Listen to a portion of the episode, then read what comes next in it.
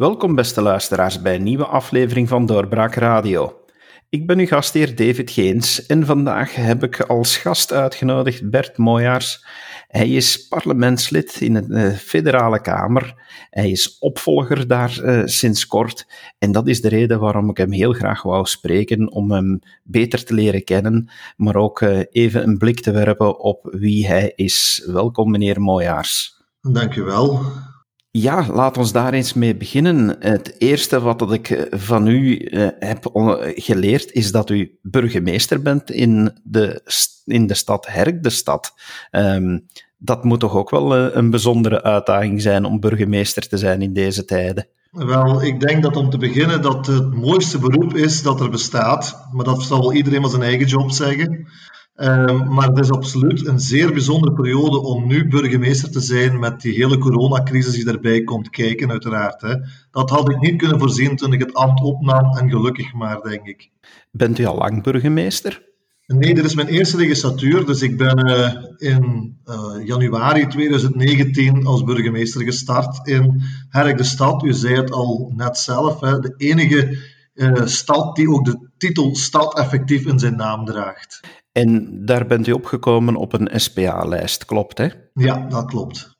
Ik ben uh, de eerste keer bij, heb ik aan verkiezingen deelgenomen op de lokale SPA-lijst en dat was bij de gemeenteraadsverkiezingen van 2006, dus dat is ondertussen toch al 14 jaar geleden. En waarom die keuze? Waarom SPA? Um, ik denk dat er een klein beetje bij mij um, is ingegroeid omwille van hetgeen wat ik uh, altijd zelf uh, gezien heb, ook op school. Um, ik heb bijvoorbeeld daar, dat is een van de dingen die mij echt uh, geboeid heeft, dat was de film Daans. Dat heeft eigenlijk mijn eerste echte socialistische toets heeft dat uh, wakker gemaakt van arbeiders die toch uh, enorm uitgebuit werden. Um, en het gevoel, het onrechtvaardigheidsgevoel daarbij kwam kijken, um, heeft mij eigenlijk al wat aangewakkerd. Komt er dan nog bij kijken dat hier lokaal ook een zeer sterke afdeling was. Um, met zeer charismatische figuren, die ook uh, zeer mooi konden spreken altijd. Um, en dat bevordert uiteraard natuurlijk als je dan uh, zo mensen ziet die je kunnen begeesteren om uh, ook lokaal die stap te zetten wanneer men het jou uiteindelijk komt vragen. en voor mij, ja, het socialisme. Ehm, ik heb hier bijvoorbeeld op mijn koelkast heb ik een gedicht hangen van Herman de Koning. En dat gedicht heet Bekentenis. Um, en dat is eigenlijk voor mij alles wat het socialisme eigenlijk zou moeten zijn. Ik word op die manier er ook elke dag opnieuw aan herinnerd. Um, dat begint met een, uh, ik weet niet of ik het mag vertellen aan u natuurlijk. Tuur, tuurlijk, heel graag zelfs. Wel, um, dat gedicht, ik ken het haast van buiten, denk ik, omdat ik het elke dag dus zie. Dat begint, uh, en dat zal ook duidelijk, denk ik, uh, maken waarom het voor mij met socialisme is. Het begint met de volgende zinnen. Vooraan in mijn tuin vertellen rozen een helderrode mening waar ik achter sta te kijken. Ik geloof in socialisme zoals de natuur ons dat leert. Wie zei ook weer, lucht en zon zijn van iedereen. De gelijkheid van er is voor allemaal evenveel regen, groeien jullie maar planten en de prachtige ongelijkheid die dat oplevert. Dat is eigenlijk de basis van mijn socialisme altijd. Ik vind dat er inderdaad voor iedereen evenveel lucht en zon moet zijn Iedereen moet evenveel kansen krijgen, maar niet iedereen zal hetzelfde bereiken daarbij. Dat zal een ongelijkheid opleveren, maar dat vind ik op zich niet erg. Ik vind vooral dat mensen gelijke kansen moeten krijgen om zich te kunnen ontplooien. En dat is mijn socialisme elke dag opnieuw. Heel opvallend dat u dat zegt, van gelijke kansen krijgen. Vindt u niet dat het soms wat te veel doorgeschoten is naar de andere kant en dat iedereen net iets te veel gelijk behandeld moet worden? Uh, en dat dus de prachtige ongelijkheid waar u net over vertelde in het gedicht, dat die, dat die soms iets te veel wordt weggemaaid dan om in de beeldspraak te blijven? Uh, ik ben daar niet altijd van overtuigd, omdat ik denk dat gewoon sommige mensen niet eens uh, de kans krijgen om zich te ontplooien. Soms heeft dat al gewoon maar te maken uh, met discriminatie op basis van de naam. Ehm, je merkt dat iedere keer opnieuw nog, dat mensen die bepaalde competenties hebben, gewoon niet eens worden uitgenodigd voor bepaalde gesprekken, sollicitaties op basis van hun naam. En dat zijn dingen die voor mij toch wel heel duidelijk maken dat er nog altijd niet iedereen gelijk behandeld wordt, maar dat er nog altijd een ongelijkheid is die niet komt op basis hoe de natuur ons dat leert, maar wel op basis hoe de mens soms redeneert. En dat vind ik niet, uh, niet meteen de juiste manier om, uh, om aan socialisme te doen. Of aan een politiek te doen. Ja, u bent ook leraar, hè?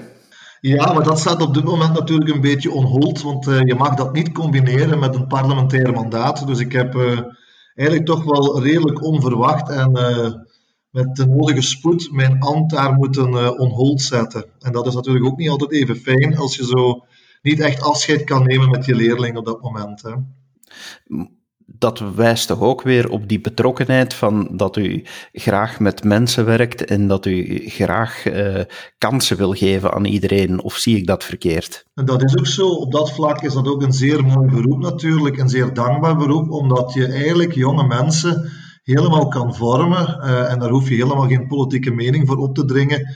Uh, jongeren moeten wel zelf, zelf eigenlijk kritisch genoeg worden en opgeleid worden om kritisch te kunnen denken. Maar je kan eigenlijk toch wel op die manier ook eens af en toe iets bijbrengen aan jongeren, iets anders vertellen als dat ze bijvoorbeeld altijd bij hun thuis horen of achter sociale media kunnen zien, wat toch volgens mij niet altijd het echte leven is.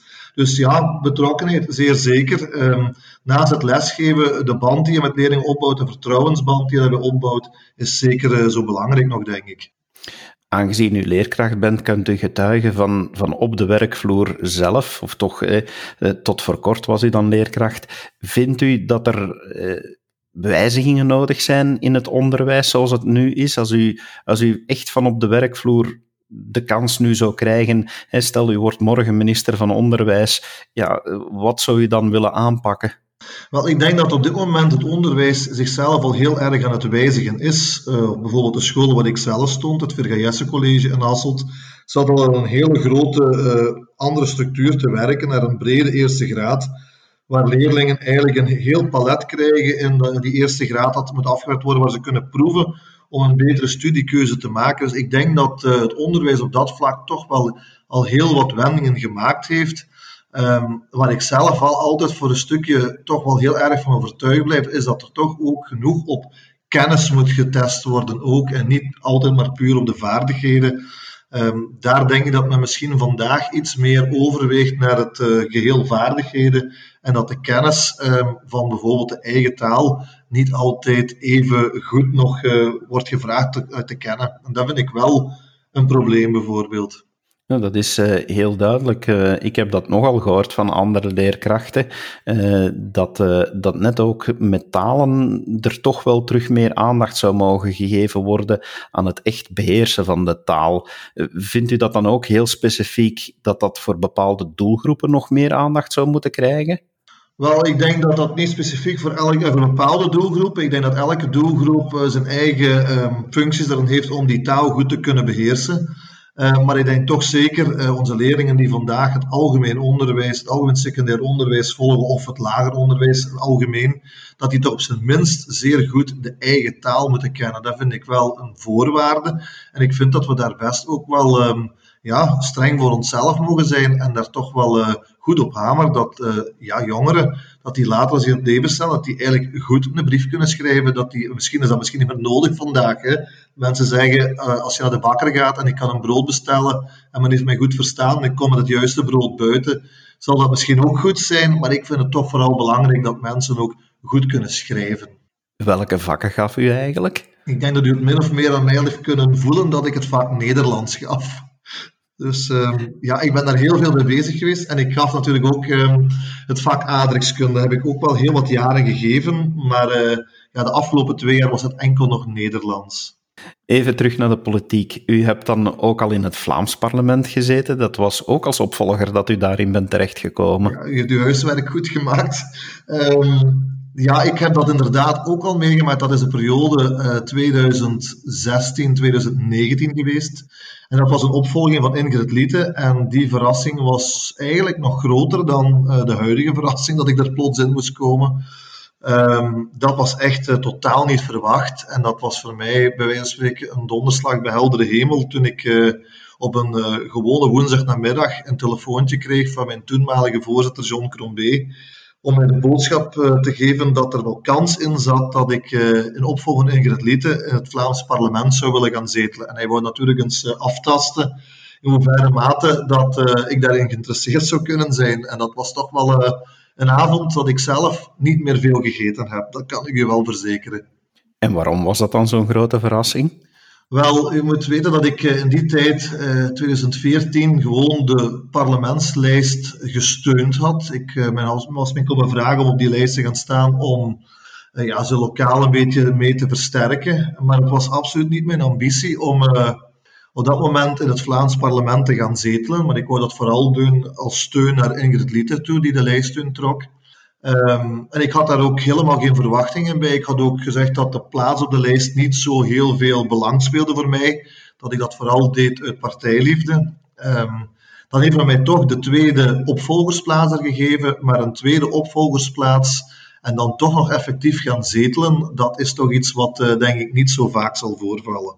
Vindt u nu eigenlijk vanuit uw ervaring, en ik kom straks nog even ook wel op het feit dat u nu opnieuw in de Kamer zit, eh, maar u hebt dus ervaring als opvolger, vindt u dat systeem eigenlijk nog wel een goed systeem, dat het met effectieve en opvolgers werkt en dat dan opvolgers naar de Kamer gaan of naar het Vlaams parlement gaan die minder zichtbaarheid hebben gehad, die minder stemmen gehaald hebben dan sommige effectieve? Of zegt u daar nu, ja, eigenlijk is dat toch wel iets wat men eens zou mogen herbekijken.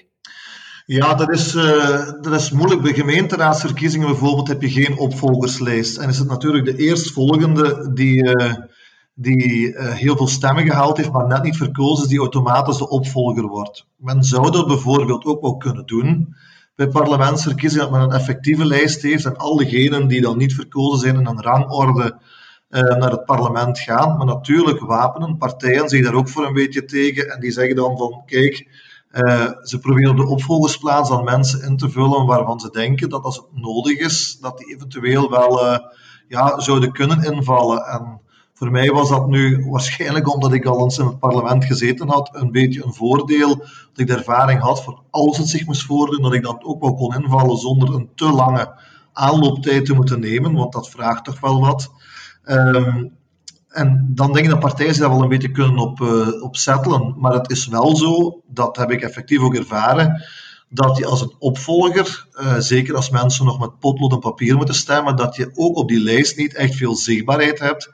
En dat je daar toch wel wat uh, stemmen moet voor inboeten tegen als je effectief zou gestaan hebben. Dus ik kan daar zelf ook een kleine inschatting van maken dat als je dat als opvolger gaat staan op een op een lijst in de kieskring Limburg, dat u dat gemiddeld toch wel 2500 à 3000 stemmen eh, in min zet, tegen dat je effectieve kandidaat zou zijn. U was nu eerste opvolger. Was het dan deze keer wel verwacht? Zat u, zat u effectief te wachten op het telefoontje deze keer om uh, naar het parlement te gaan? Um, eigenlijk denk ik dat je na de, de, de dag van de verkiezingsuitslag zelf, dat je daar helemaal geen ambitie meer moest toe hebben. Uh, het was eigenlijk slecht voor ons, heel slecht. Um, maar het is vooral, denk ik, eh, de partij die op dit moment ook in een uh, totaal nieuwe beweging zit. Er zit een, een, positieve flow in en dat is ook bewerkstelligd op dit moment in een regeerakkoord waar we deel van uitmaken. Ja, dan denk je wel op het moment dat het zich een beetje in die plooi gaat vallen, dat de kans er wel in zit. Maar ik had het heel eerlijk gezegd wel een klein beetje voor me opgeschoven, omdat ik toch zoiets had van ja, stel dat we erbij zitten, zullen ook al niet zo heel veel ministers zijn. En op het moment dat dan nog uh, onze voorzitter zei dat hij met een wit konijn ging afkomen, had ik er toch wel uh, niet zo'n heel groot idee van dat ik nog in het parlement zou gaan zetelen. Dus moest het nu niet geweest zijn, ik zou daar niet razend ontgoocheld van geweest zijn. Maar het is op dit moment vooral heel fijn om terug te zijn en ja, de draad kunnen op te pakken. Want ik heb er toch wel nog wel de juiste ambitie voor om toch nog uh, daar, hier en daar een steentje te kunnen gaan verleggen. En hoe is het nu deze tweede keer verlopen? Ook een, eh, een telefoontje gekregen van hé, hey, morgen word je in het parlement verwacht? Ja, daar komt het eigenlijk op neer. Vorige keer had ik nog iets meer tijd, uh, omdat uh, toen, toen John Crombé mij belde, zaten daar nog een tweetal weken tussen voordat ik effectief mijn eet zou gaan afleggen.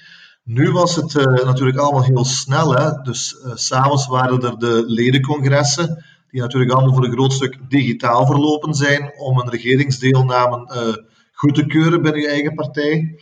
En dan is nog heel laat zijn de ministers aangeduid. Ik denk dat Mirjam Ketier ongeveer op middernacht die dag werd aangeduid als minister. En dan weet je uiteraard, als je de eerste opvolger bent, dat normaal gezien wel aan jou toekomt. Maar ik heb daar toch op gewacht op het telefoontje. En ik begrijp dat uiteraard mijn voorzitter uh, op dat moment zeer moe zou geweest zijn. Maar hij heeft mij dan s'morgens gebeld. En smiddags moest ik effectief in Brussel zijn om mijn eet af te leggen. Dus dat was allemaal vrij snel, ja. En hoe verloopt dat dan? U komt daar dan in Brussel toe van, moet u dan zelf uw weg zoeken van, of uh, heeft de partij daar effectief een procedure voor of een welkomstboek liggen, uh, waar, waar, u wordt uitgelegd waar uw bureau is, waar u uh, de cafetaria kan vinden en zo verder? Ja, het grote voordeel is natuurlijk als je er al eens geweest bent, dat je het ongeveer wel weet hoe het zit. Um, men had die dag had men een, eh, een verenigde fractievergadering om ook waarschijnlijk het regeerakkoord nog eens kort te sluiten met de parlementsleden. En dat ging door in het Vlaams parlement, in de Schelp, die grote zaal onder de, onder de tribunes daar, hè, onder het, uh, de plenaire zaal. Um, dus ik kon daar gewoon naartoe gaan en ik wist daar mijn weg wel. En dan ga je voor de rest natuurlijk de rest van de dag mee met de flow. Hè. Dus je wordt mee uh, op sleeptouw genomen door je collega's. Uh, en het zal ook wel nodig geweest zijn, want het was natuurlijk heel bijzonder dat ik uh, ja, in het Europees Parlement mijn eer ben moeten gaan afleggen. Want wij hebben dat weekend, of die drie dagen met de regeerverklaring en de debatten die daar rondgingen, moesten alle parlementsleden in de plenaire vergadering kunnen aanwezig zijn. En met corona was dat niet evident. Dus zijn wij naar het Europees Parlement verhuisd. En daar was ik wel vooral zeer dankbaar voor dat ik toch mee op sleeptouw kon gaan met iemand mee, met een groep mee. Want ik had op dat moment ook nog totaal geen toegangsbadges. Het is al niet zo evident om dan in zo'n gebouw binnen te geraken. Hè.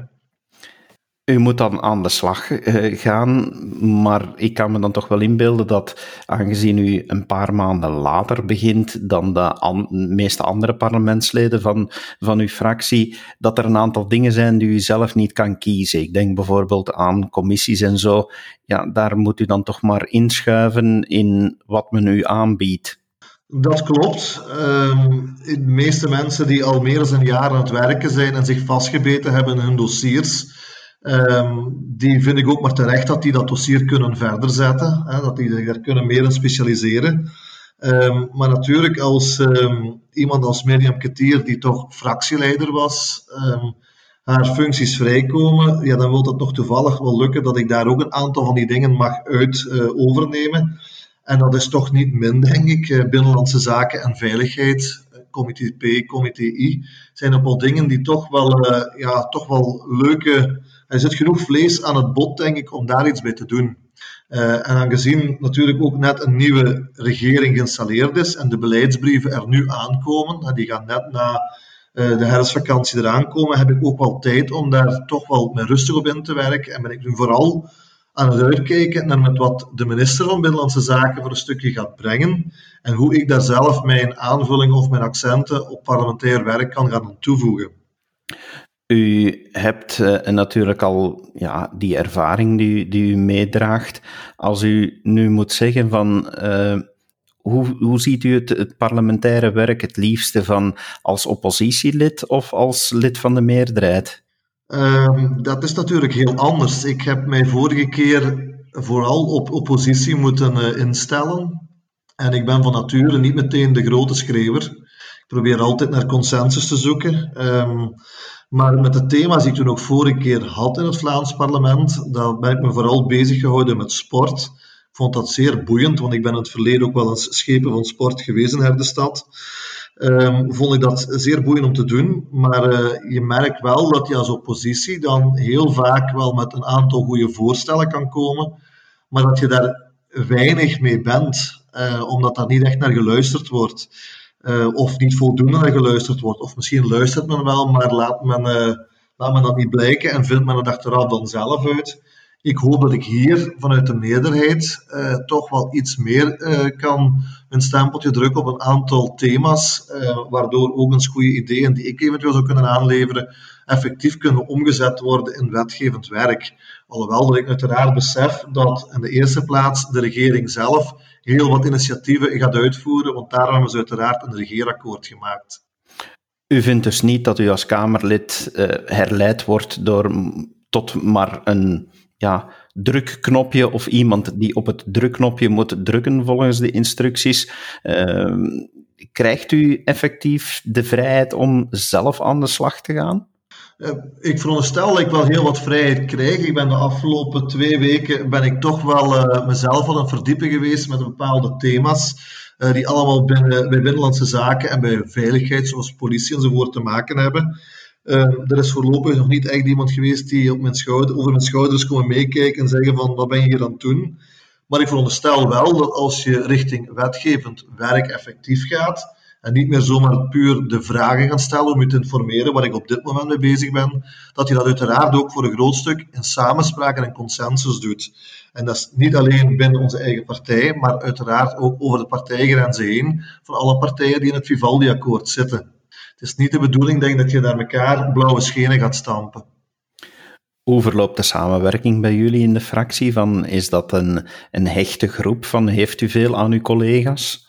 Ja, wij zijn een kleine fractie. Dat denk ik dat het uh, zeer gemakkelijk maakt om hecht te worden. Uh, wij zijn op dit moment met uh, negen parlementsleden. En we hebben dan nu twee ministers in de federale regering. Als je een kleine groep bent, dan wordt het automatisch hechter. Ehm, en ik denk ook dat wij vooral een, een jonge groep zijn. Ehm, daarbij bedoel ik mensen die uh, beginnend aan een parlementair mandaat zitten of nog niet zoveel jaren op de teller hebben staan, net zoals ik zelf.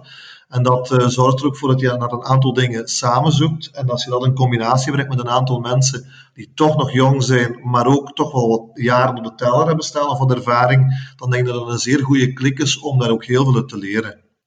Is dat een beetje een kenmerk geworden nu in uh, de SPA? Dat uh, jong uh, enthousiasme, dat dat natuurlijk ook wordt aangewakkerd door een jonge voorzitter. ervaart u dat nu als een, als een nieuw nieuwe wind die door de partij waait? Nou, je bent natuurlijk maar zo oud als je jezelf voelt. Um, ik denk dat je gerust ook x aantal jaar ouder kan zijn dan mij om u nog zeker jeugdiger te voelen dan ik dat ben. Um, ik heb voor mezelf gezien, ik ben net 40. De gemiddelde leeftijd in onze Kamerfractie is 44, dus ik zit er nog net onder. Waarschijnlijk zal dat de laatste keer zijn.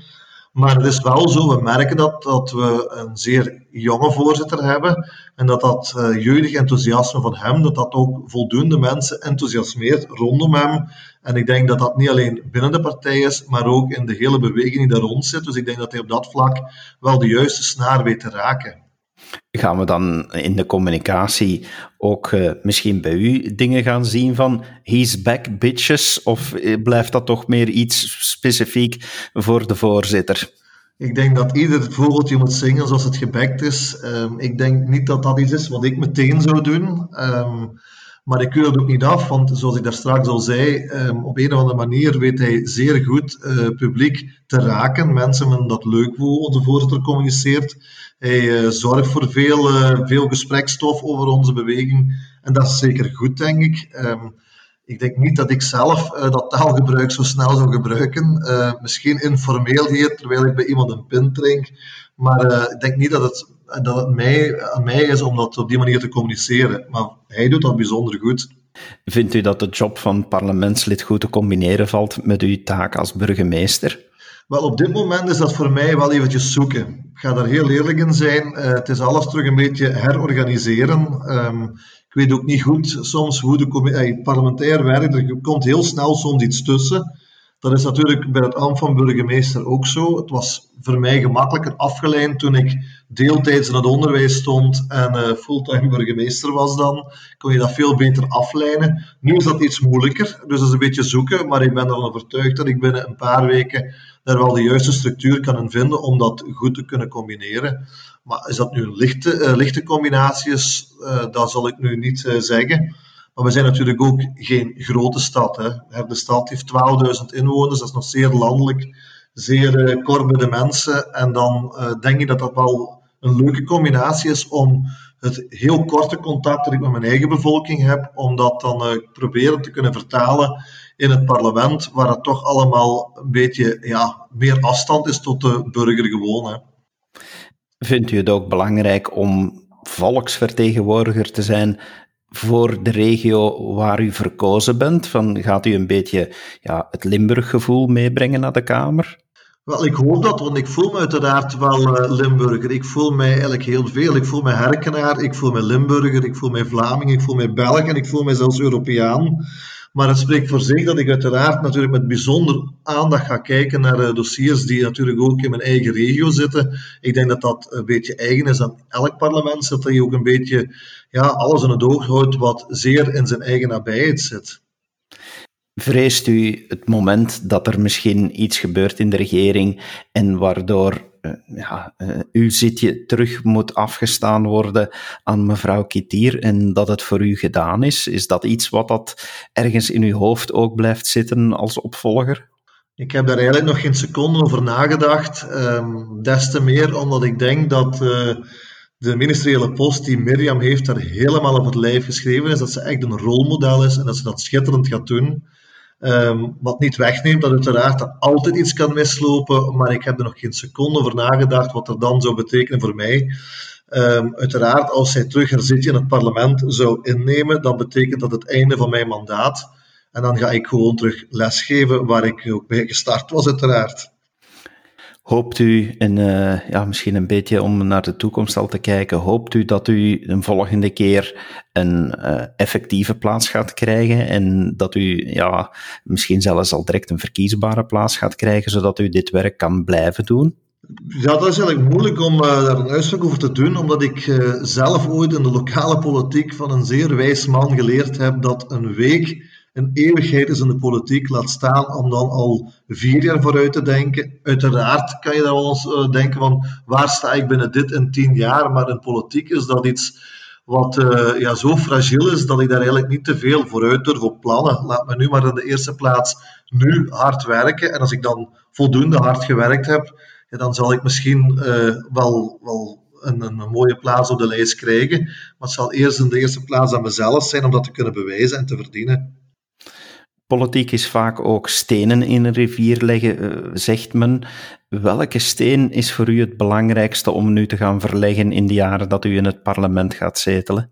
Ja, ik denk dat er heel veel stenen moeten verlegd worden. Um, ik denk dat de thema's die uh, voor socialisten zeer belangrijk zijn, dat ik me daar zelf niet ga specialiseren. De allerbelangrijkste thema's, denk dat voor ons toch wel duidelijk in het verkiezingsprogramma waren. Alles wat met sociale zekerheid, eh, volksgezondheid, eh, met pensioenen te maken heeft.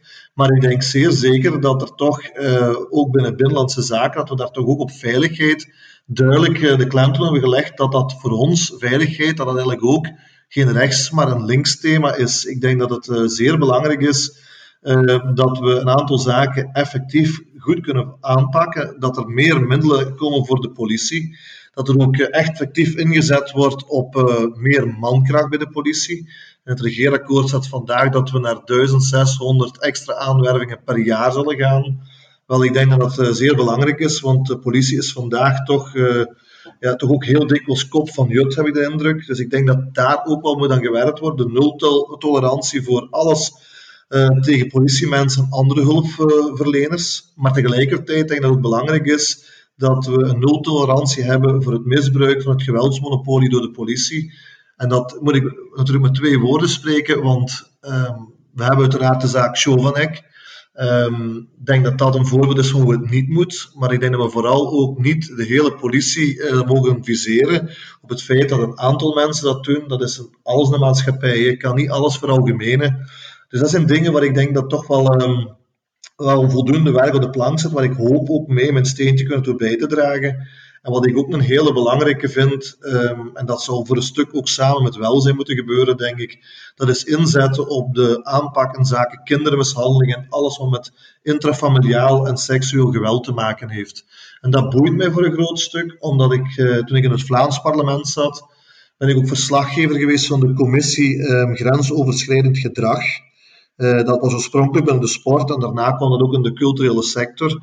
Dus dat is iets waar ik toch voor een stukje dan ook weer kan op verder bouwen met hetgeen wat ik al uh, gedaan heb in het Vlaams parlement, maar nu eventueel aan de federale zijde. Dus dat zijn dingen waar ik, uh, waar ik hoop toch, misschien geen grote kei, maar op zijn minst toch een kiezeltje in de rivier te kunnen leggen dan Wel, ik ga even inzoomen inderdaad op die kei van veiligheid, want dat is toch een thema waar dat je de Socialistische Partij niet onmiddellijk mee zou geassocieerd hebben in het verleden.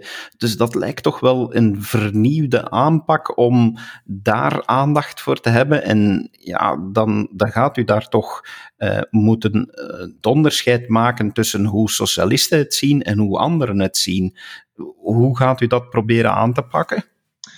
Wel, ik denk dat uh, alles wat met criminaliteit te maken heeft, dat dat altijd een stelseltje moet veroordeeld worden. En ik denk dat het zeer belangrijk is dat als mensen iets mispeuterd hebben, dat ze daar ook een straf voor krijgen, dat die straf effectief moet uitgevoerd worden.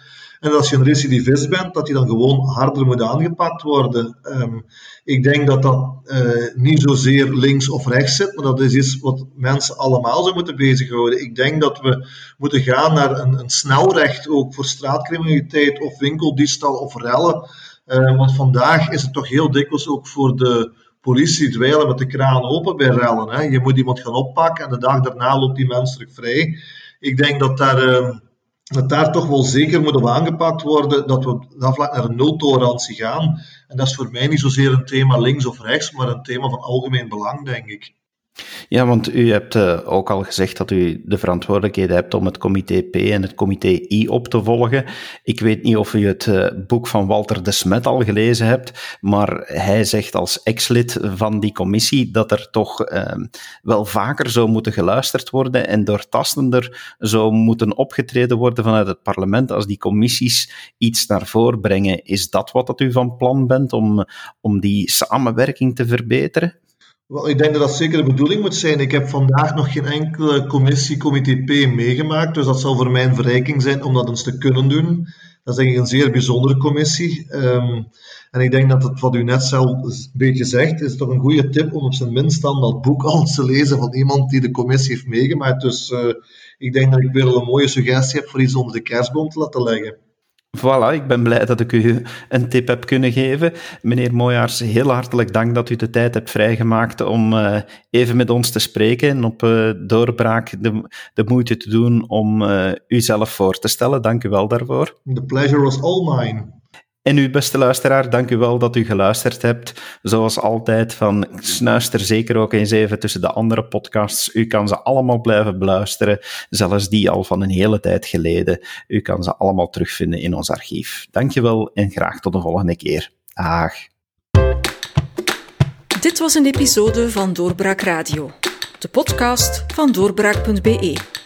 Volg onze podcast op doorbraak.be/radio of via Apple Podcasts, Overcast of Spotify. Bezoek ook onze website op doorbraak.be en steun ons door een vriend te worden van Doorbraak.